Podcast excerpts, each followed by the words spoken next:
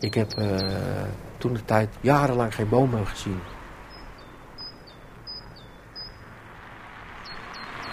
Wat, ik, ik droomde er gewoon van. En toen uh, zei ik in mezelf, heb ik altijd in mezelf gezegd, als ik een boom zie, ga ik er tegenaan plassen.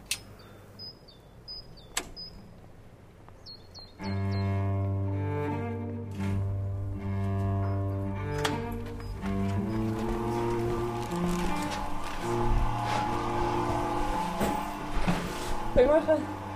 Morgen. Uh, ik ben Marjolein van RTV Drenthe. Zo uit met je pasje.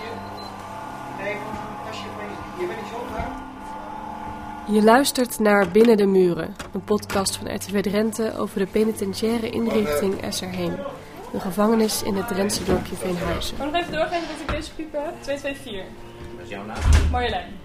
Mijn naam is Marjolein Knol en afgelopen jaar mocht ik af en toe meelopen in de gevangenis, omdat ik wil weten hoe het is om hier te leven. Dit is aflevering 1. Welkom in de bias.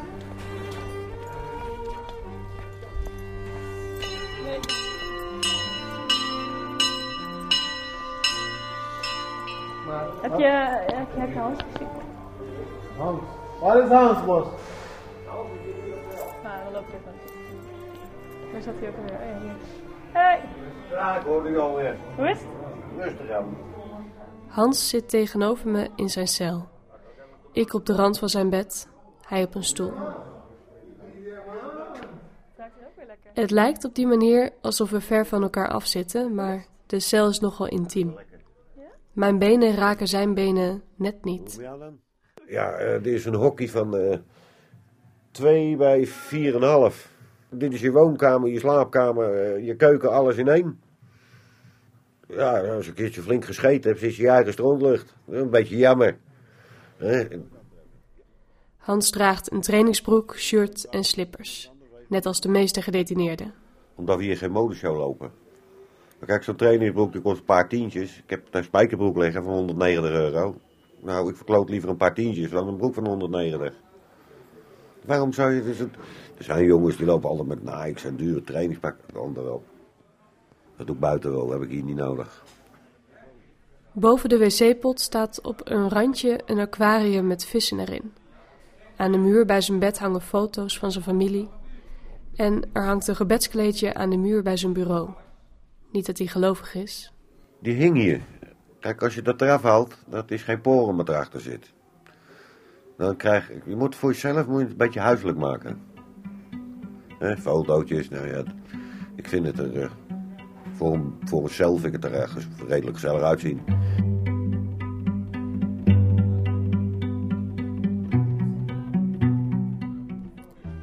Hans zit nu drie jaar in Esserheem en hij kent de weg. Het kan ook haast niet anders, want hij heeft ervaring. Dit is niet zijn eerste straf en bovendien is Hans een lang gestrafte. Dan weet je in de meeste gevallen al wel waarom iemand zit. Doodslag.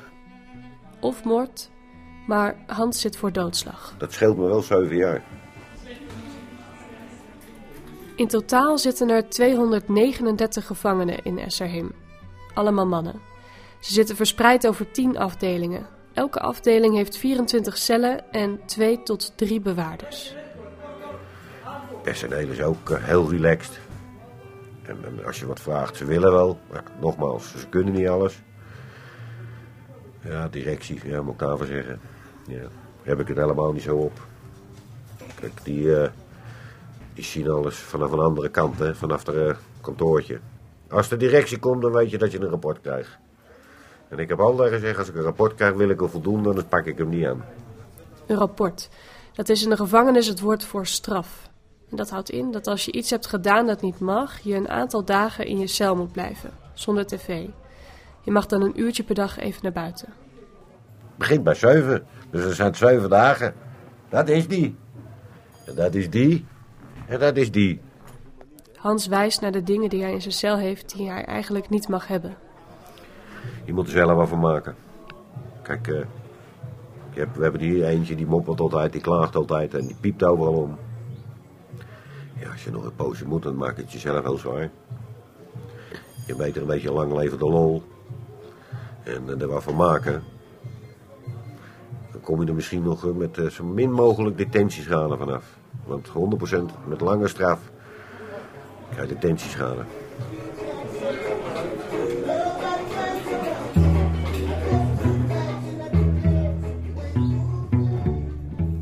Veenhuizen is van oudsher al een gevangenisdorp. Vroeger, begin 19e eeuw, woonden hier veel bedelaars, landlopers en wezen. De zogeheten maatschappij van weldadigheid haalde die mensen hier naartoe om ze herop te voeden. Omdat het plan niet slaagde, veranderde Veenhuizen in een strafkolonie. Rond 1900 bouwde justitie nog eens twee nieuwe gevangenissen, Esserheem en Norgerhaven. Die gevangenissen zijn nog steeds in gebruik. Uh, dit, is, uh, dit is, ja, dat loopt licht tegen Centerpark aan. Ja, we zitten hier in een park met allemaal parkwachters. Ik noem ze ook altijd parkwachters. Als ik in de gevangenis naar buiten kijk, langs de tralies voor het raam, dan zie ik het bos. Soms lopen er mensen langs die hun hond uitlaten. Ik zie een kleine gracht met groene algen op het water, een koolmees op het prikkeldraad en daarachter de bomen die door de seizoenen heen verkleuren. Maar Hans heeft meestal zijn gordijnen dicht. Het is warmer in de winter en bovendien zegt Hans: Je leeft binnen. Waarom dan naar buiten kijken? Dit is mijn wereld. Hier woon ik, hier leef ik, hier werk ik. Dus ik wil er niks mee te maken hebben. Daarover is hij stellig. Dat wel. Toch heeft hij wel contact met de buitenwereld. Ja, dat wel. Via een van de illegale dingen op zijn kamer. Dat is, dat is gewoon, dat hoort gewoon, hè. Een mobieltje. 60 mailtjes of zo. Ja, maar uh, het is, uh, contact met de buitenwereld is wel belangrijk, wat je wil weten hoe het gaat. Afgelopen jaar spreek ik Hans meerdere malen. Hij vertelt me vaak over het leven in de gevangenis, soms wat over zijn delict en veel later vertelt hij me ook over zijn jeugd. In plaats van de vuurpijlen om je oren vlogen de kogels om je oren, zo werden de rekeningen verheffend. Dus ik ben opgegroeid in zo'n milieu. Met geweld los je een hoop op. Eind van de rit. Ga je er 15 jaar voor. Ja, ik heb er niet voor gekozen, maar om in dat milieu op te groeien, kan ik ook niks aan doen. Dus je weet niet beter. En dat wordt je dan op een zitting wordt het je kwalijk genomen, want je vormt jezelf wel. Uh, ik heb mijn kinderen op dezelfde manier opgevoed. Ruzie krijgen, timmer er maar op los. Pakken en hout slaan of ze smoel in elkaar, maakt niks uit. En uh, ja, je ziet wat je brengt. Waar je niet al te lang wil wezen in ieder geval.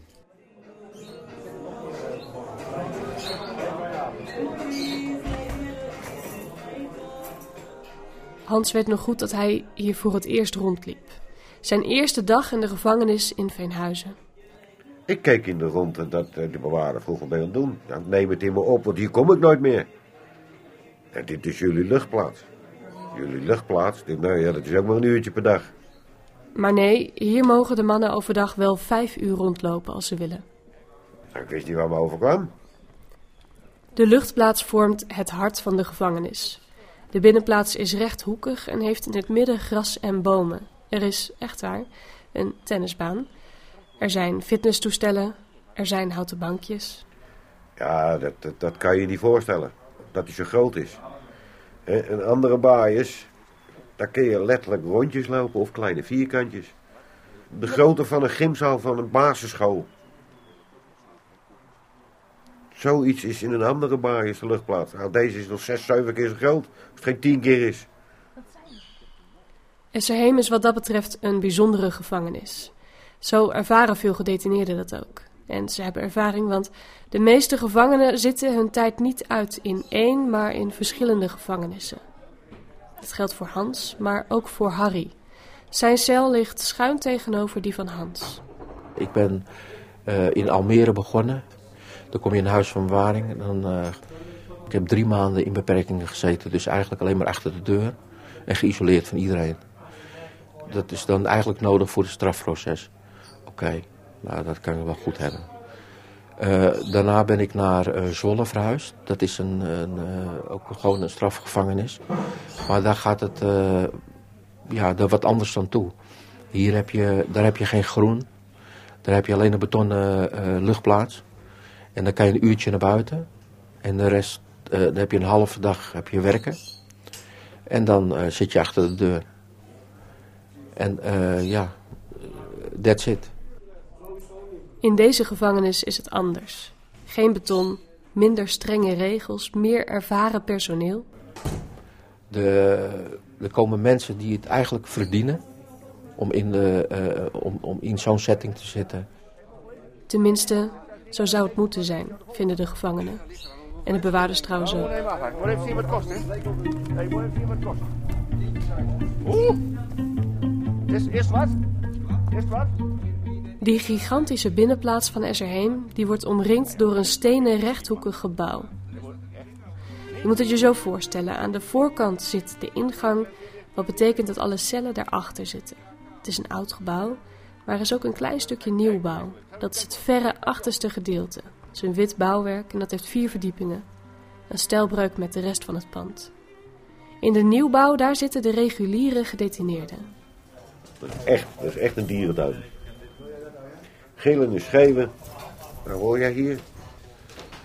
Dit zijn leefgeluiden. Dat is normaal. Daar is het rumoeriger. Het geluid zingt er rond omdat het plafond hoger is. Op die nieuwbouw, dan word je helemaal knettergek. Hans zit, zoals je hoort, niet op de nieuwbouw. Zijn afdeling zit er rechts van in het oude gedeelte. Dus uit het jaar Napoleon. En het tocht hier aan alle kanten. En s'avonds ik voor de deur, als de deur dicht is, ik een handdoek leggen. Anders waai je uit de stoel vandaan. Ah, dat is echt niet normaal. Als de mannen niet naar werk gaan en ze zijn niet ingesloten, dan mogen ze vrij rondlopen op de luchtplaats. Tussen de bomen, langs het tennisveld. Dat is uniek. En voor de gedetineerden ook belangrijk om een andere reden. Want de luchtplaats maakt dat ruzies niet groot worden, omdat de mannen minder op elkaars lip zitten. Je kunt letterlijk even naar buiten om af te koelen. In een andere baai, je blijft op de afdeling, je kan een uur naar buiten. Dus je blijft de confrontatie krijgen. Er gebeurt hier ook weinig. Wat, wat, wat de rottigheid betreft, is onderling eens een keer een vechtpartij. Er zal wel weer om drugs gaan, wat niet betaald is of wat ook. Maar voor de rest, het is in die drie jaar. Nou, vijf, zes keer een vechtpartij gezien. Dus daar valt reuze mee. Deze luchtplaats, dat is wat Esserheem de beste bias maakt van Nederland. Althans, dat zeggen gedetineerden in een enquête uit 2016 van de Universiteit Leiden.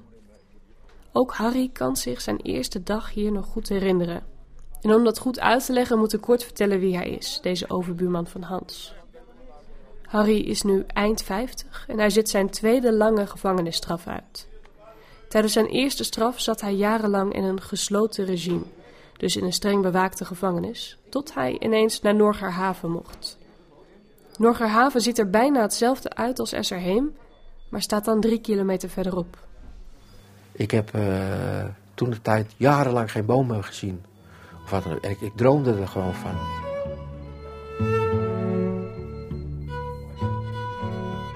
Ergens in die tijd dat hij achter de deur zat en naar beton keek, had hij één ding met zichzelf afgesproken. En toen uh, zei ik in mezelf, heb ik altijd in mezelf gezegd, als ik een boom zie, ga ik er tegenaan plassen. Dus toen Harry na jarenlange opsluiting de binnenplaats opkwam en een boom zag. Ja, wat deed ik? Ik, uh...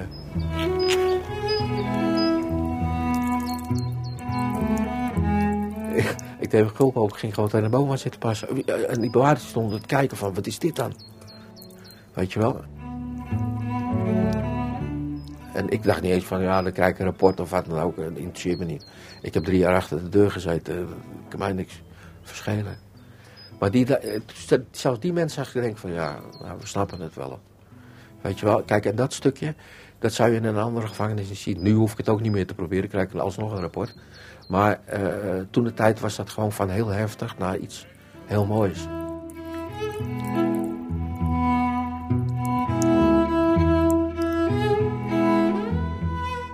Volgende keer in Binnen de Muren. Dit is er bijna denken dat het een datingbureau aan het worden is. Dan vertel ik je over de verschillende gedetineerden in de gevangenis. Nou, het mag ook. Ik kan je aangemelden bij Veenhuis, bij de baaiers. De SRM. We doen niet zo moeilijk vandaag. En gaan we naar de vadervleugel. Ja. Uh, Veenhuizen. Onze Peter Koelewijn die gaat weer een lied zingen over, het, uh, over Veenhuizen. Binnen de Muren is een podcast van RTV Drenthe en hij wordt gemaakt door Marjolein Knol. Eindredactie Sophie Timmer, eindmontage Björn Brouwer. De podcast kwam tot stand met hulp van Juro van den Berg en bovenal de penitentiaire inrichting Esserheen, die mij alle ruimte gaf om met gedetineerden en bewaarders te spreken. Abonneer je op Binnen de Muren om op de hoogte te blijven van nieuwe afleveringen. En luister je graag? Laat dan een reactie achter. Dan kunnen meer luisteraars ons vinden. Veenhuizen op het Drentse platteland. Een baaiers met veel zorg en trammeland. Je hebt voor niet één man iets goeds gedaan. Dus jongens, laten wij daarom maar gaan. Veenhuizen is voor elke bink een hel. Hij die je zat, die weet het zelf ook wel.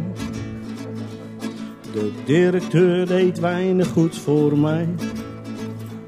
Hij liet me op verzoek nog niet eens vrij.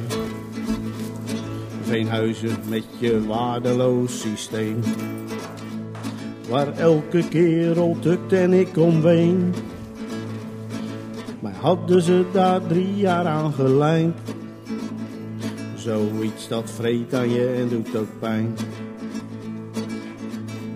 Veenhuizen zonder wacht en zonder deur. Stelt iedereen die vluchten wil teleur. Je openheid deed velen van ons hopen. Als hij tenminste heel erg hard kon lopen.